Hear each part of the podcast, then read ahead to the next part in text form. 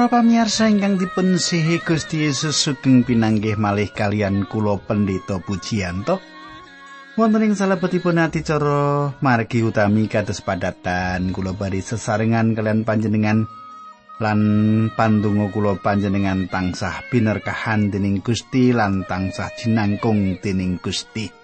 Makaten katang kula adicara ingkang sampun panjenengan ajeng-ajeng sugeng midhangetaken adicara menika.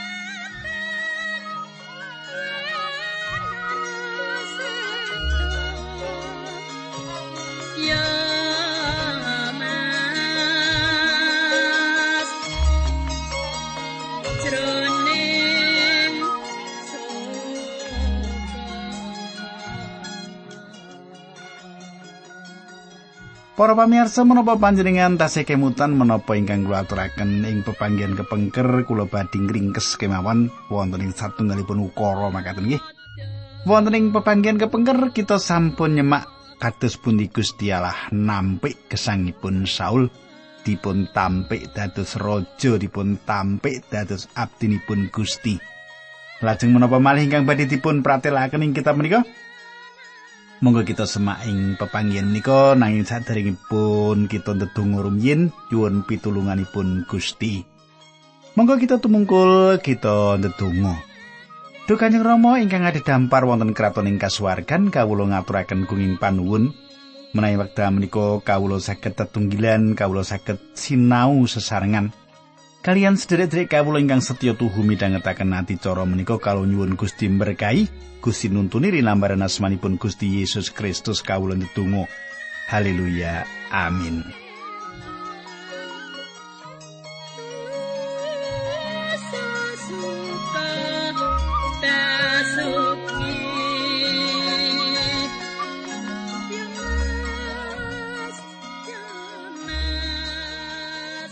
Para pamirsa ingkang kula tresnani samenika pasinaon kita sampun ngancik ing kitab setunggal Samuel 16 nggih. Ha ora krasa wis tekan pasal 16. Kula badhe maosaken ayat setunggal ing setunggal Samuel 16 menika panjenengan semak mangke minggah minggah minggah makaten nggih. Katen surasipun. Sawise sawetara suweni Gusti Allah ngendika marang Samuel, nganti pira lawas nggonmu susah merga saka Saul. Dheweke rak wis ndak singkur nggone dadi raja Israel. Saiki njupu lenga saitun lan lunga menyang Bethlehem ing panggonan Isai sebab anake salah siji wis ndak pilih dadi raja. Para pamirsa, Samuel mihak dumateng Saul. Samuel tresnani Saul lan Samuel mboten remen ningali Gusti Allah mbucal Saul menika. Saestu sakit raosipun kangge Samuel nyukani pemut ingkang pungkasan dumateng Saul bilih piyambakipun sampun dipun tampik anggenipun dados raja lan digentos tiang sanes. Kadang kula ayat kalih lan tiga nanging Samuel matur kados pundi ngen kula badhe nglampahi menawi perkawis menika kapireng dening Saul kawula mesti dipun pejahi. Gusti Allah ngendika nggawa sapi sing isin nom siji sarta kabarno karo wong-wong yen anggonmu teka ing kono perlu saos kurban marang Gusti Allah.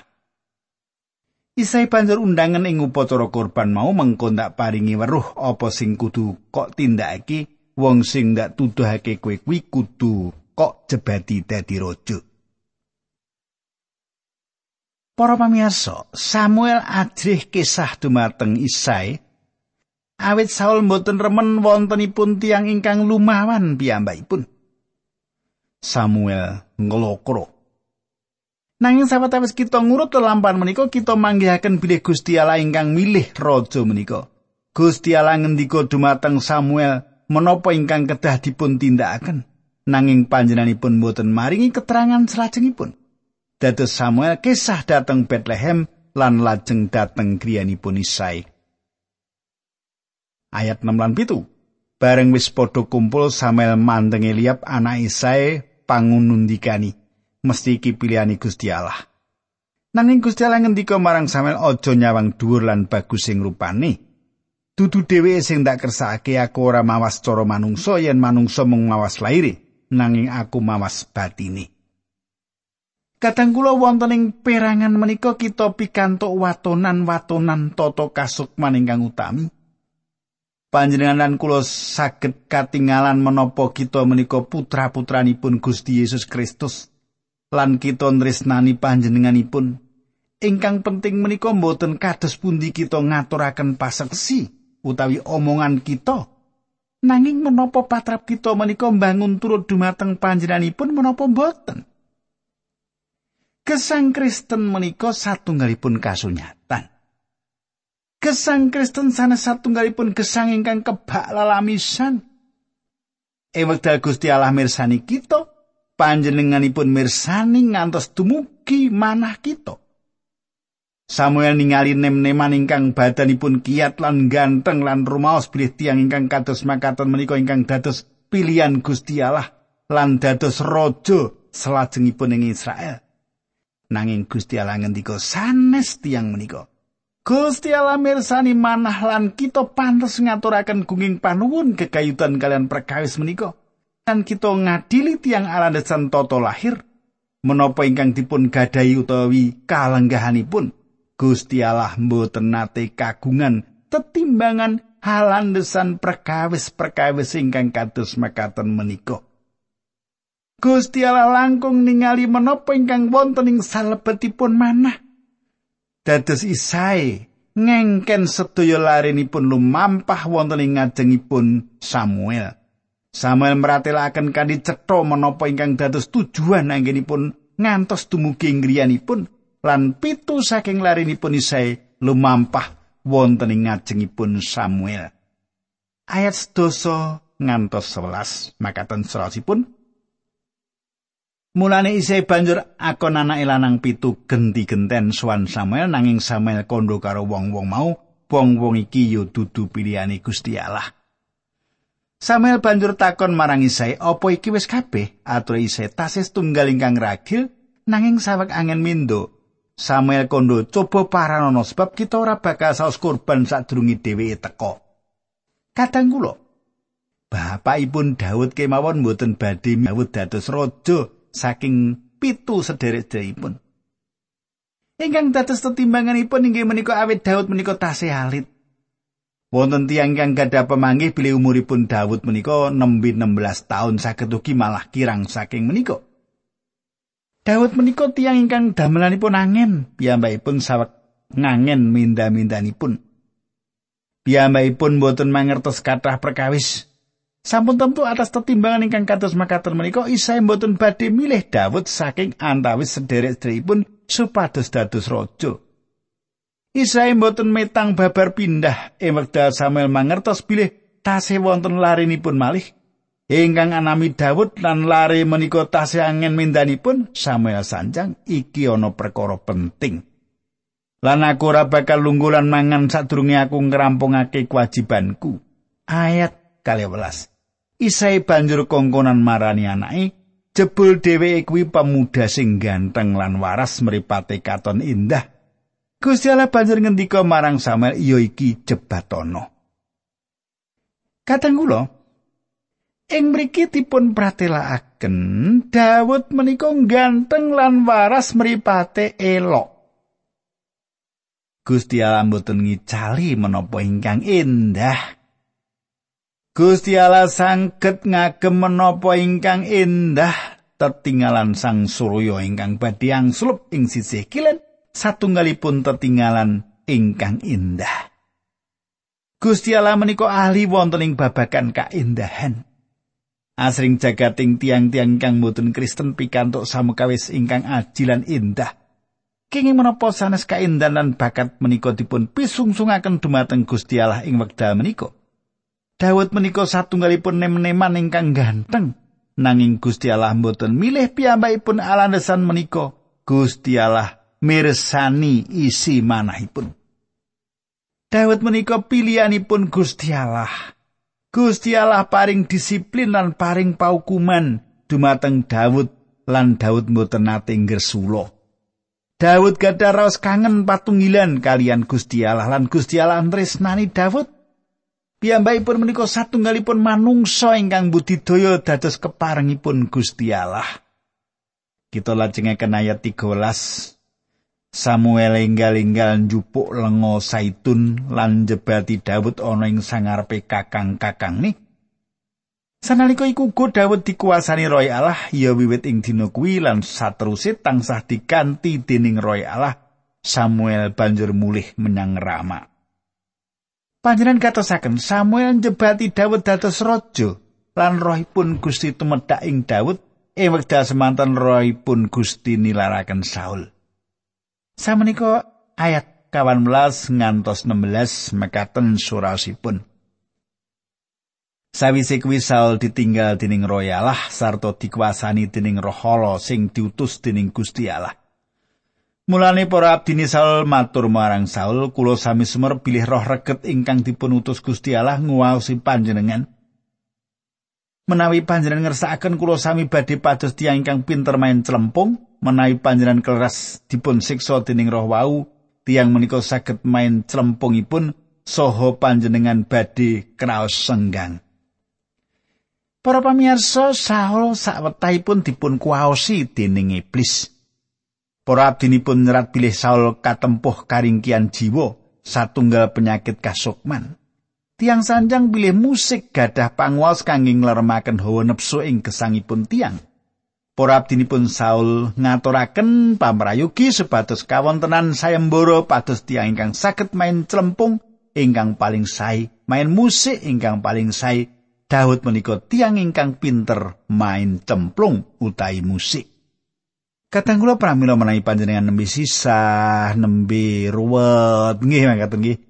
Nembe wonten ing pepeteng aja lali ngrungokake lagu-lagu rohani, gitu. Menika saged nganyut-ayuti manah ngangkat panah cecaketan kalian Gusti Allah.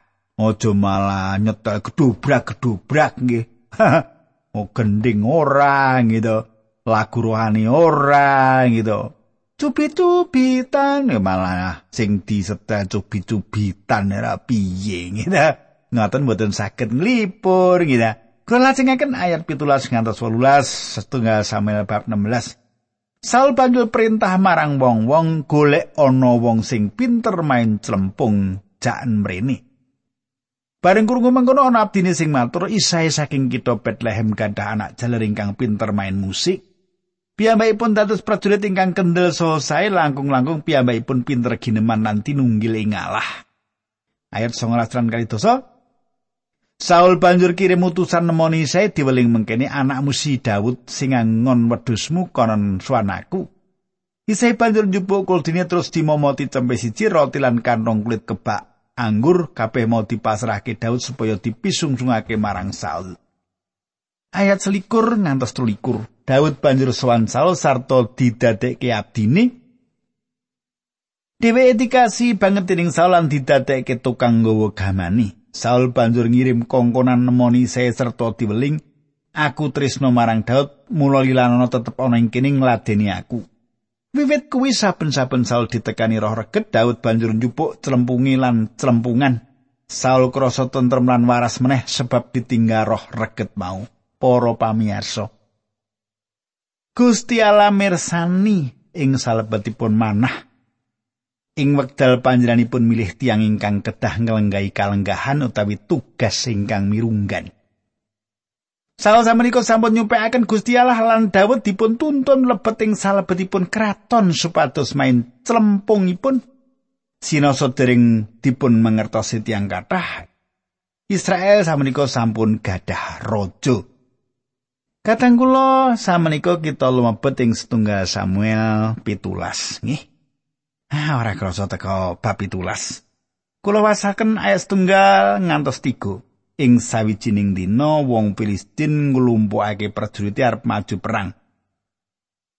Enggone ngatur barisan ing kutha Soko wilayah Yehuda sarta masang kemah ing antarané Soko lan Aseka sacedhake Epes Damim. Saulan wong-wong Israel ya padha kumpulan padha masang kemahing tanah ngarelah padha toto-toto arep nglawan wong Filistin. Kadang kula Israel sawek perang kalian tiang Filistin mengsah bebuyatanipun. Ayat 3 barisane wong Filistin padha ngadeg ing perenging gunung sarta barisane wong Israel ing perengan gunung liyane diring antarane ana tanahe ngari. Kadang kula kali prajurit menika adep-adepan. Kali prajurit menika sampun siap perang lan mboten gadah kekajengan perang. Ana sing arep perang nanging wonten ingkang mboten saged perang, ora gelem perang.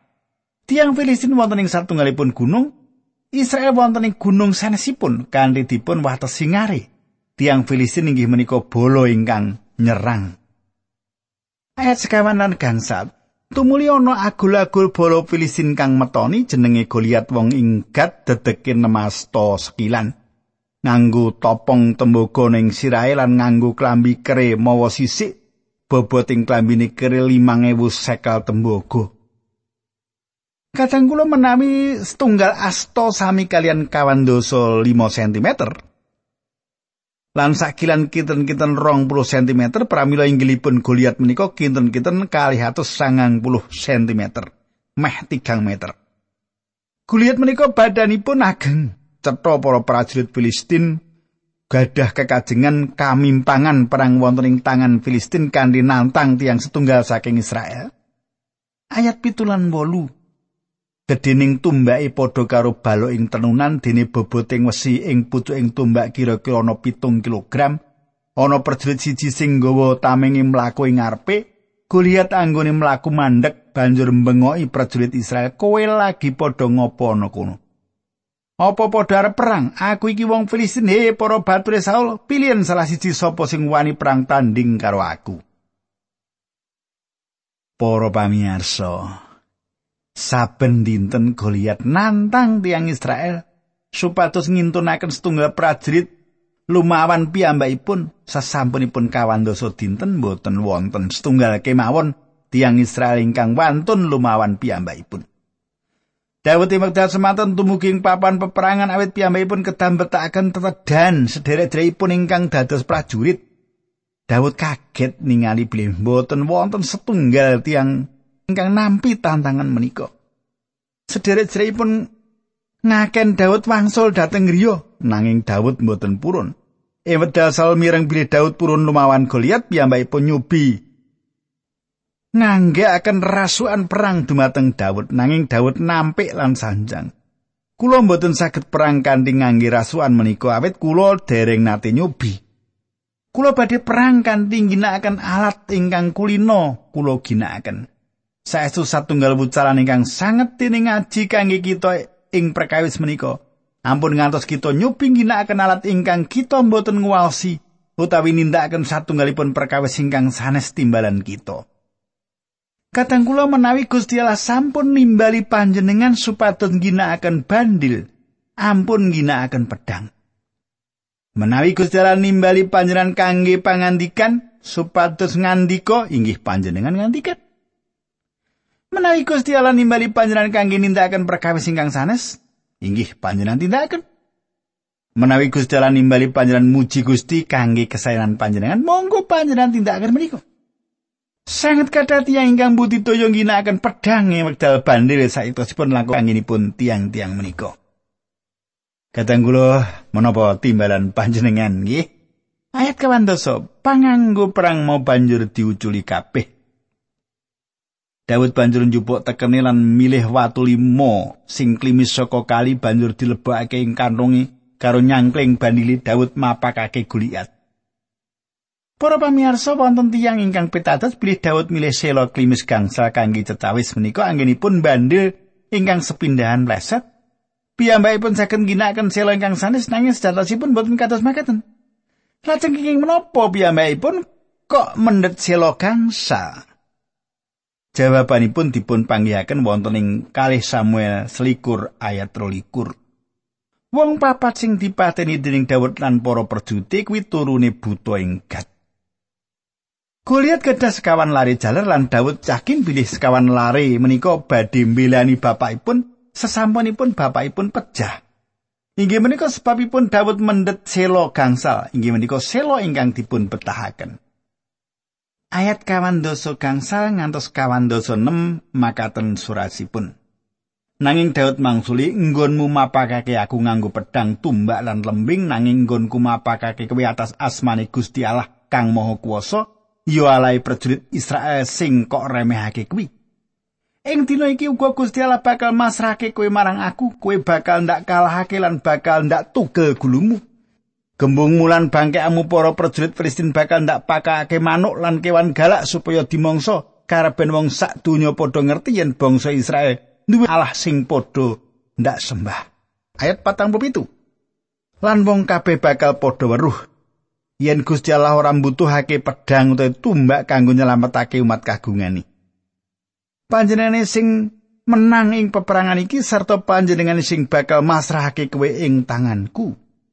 Katang kula panjenengan mangertos kelajenganipun carios menika kita sangat mangertos carios menika. Gusti Allah paring kamimpangan dumateng Daud lan piyambakipun kasil mejahi Goliat. Peperangan menika kagunganipun Gusti Allah lan raseksa menika dipun pasrahaken ing astanipun Daud. Wonten kathah wucaran kasukmaning salebetipun pasal menika menawi raseksa nggambaraken jagat, manut kula Saul nggambaraken iblis lan Daud nggambaraken tiang ingkang pitados dumateng Gusti Yesus Kristus. Kita wonten ing mapaning jagat nanging boten saged Kadang kula menapa pentenipun antawis Daud lan Simpson? Simpson atindak kalian tiang Filistin menika kados dene mitra piyambak malah kawin kalian salah setunggaling antawisipun tiang Filistin. Menawi Daud atindak tiang Filistin menika mengsah sistem jagat kosmos ingkang nyakup pemerintahan program pendidikan lan jagat hiburan satunggalipun mengsah ingkang pitados ing jaman samanika. Perkawis ingkang perlu dipun katosaken inggih menika bilih iman Daud andadosaken kegiatanipun ngadepi para raksasa lan ngawonaken raseksa-raseksa kala wau. Setunggal Yohanes gangsal ayat papat. Mergo saben wong sing dadi putrane Allah kuwagang nelokake donya, nggon kita nelokake donya mau mergo percaya kita marang Gusti Yesus. Kadang kula menika satunggalipun mucalan ingkang sami ingkang dipun tampeni Yosua ing Yeriko. Piyambakipun manggihaken bilih peperangan menika kagunganipun Gusti. Dawuh ugi sinau bilih piyambakipun boten saged ngginakaken gamanipun jagat menika kangge perang. Piyambakipun ketangginakaken gaman lan taktik piyambak selaras kelan menapa ingkang dipun wucalaken Gusti Allah dumateng piyambakipun. Tiang pitados jaman samenika perlu mangertos bilih jagat namung saged dipun awekani kalian iman lan keyakinan ing salebetipun Gusti Allah. Amin. Nah kateng kula kita lajengaken ing dinten candhaipun samenika kita ndedonga. Duh Kanjeng Rama ing swarga kawula ngaturaken gunging panuwun menawi kawula saged tetunggilan kalian sedherek kawula. Kawula pasrahaken sedherek kawula wonten ing asta paduka paduka jangkung lan paduka kiyataken linambaran asmanipun Gusti Yesus Kristus kawula ndedonga. Haleluya. Amin.